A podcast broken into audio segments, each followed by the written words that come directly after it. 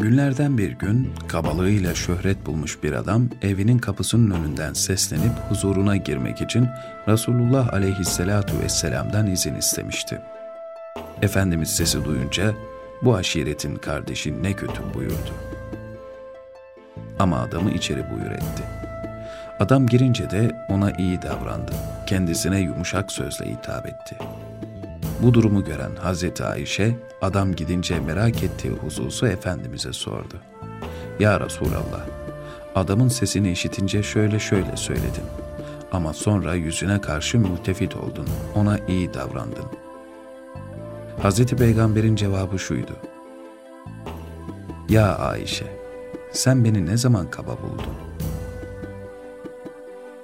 Muhatabı kaba bile olsa nazik davranmanın kendi kişiliğinin bir gereği olduğunu böylece ifade eden Efendimiz devamında şunu da söyleyecekti. Kıyamet günü Allahü Teala'nın yanında insanların mevkice en kötüsü halkın kabalığından korkarak kendisini terk ettiği kimsedir.''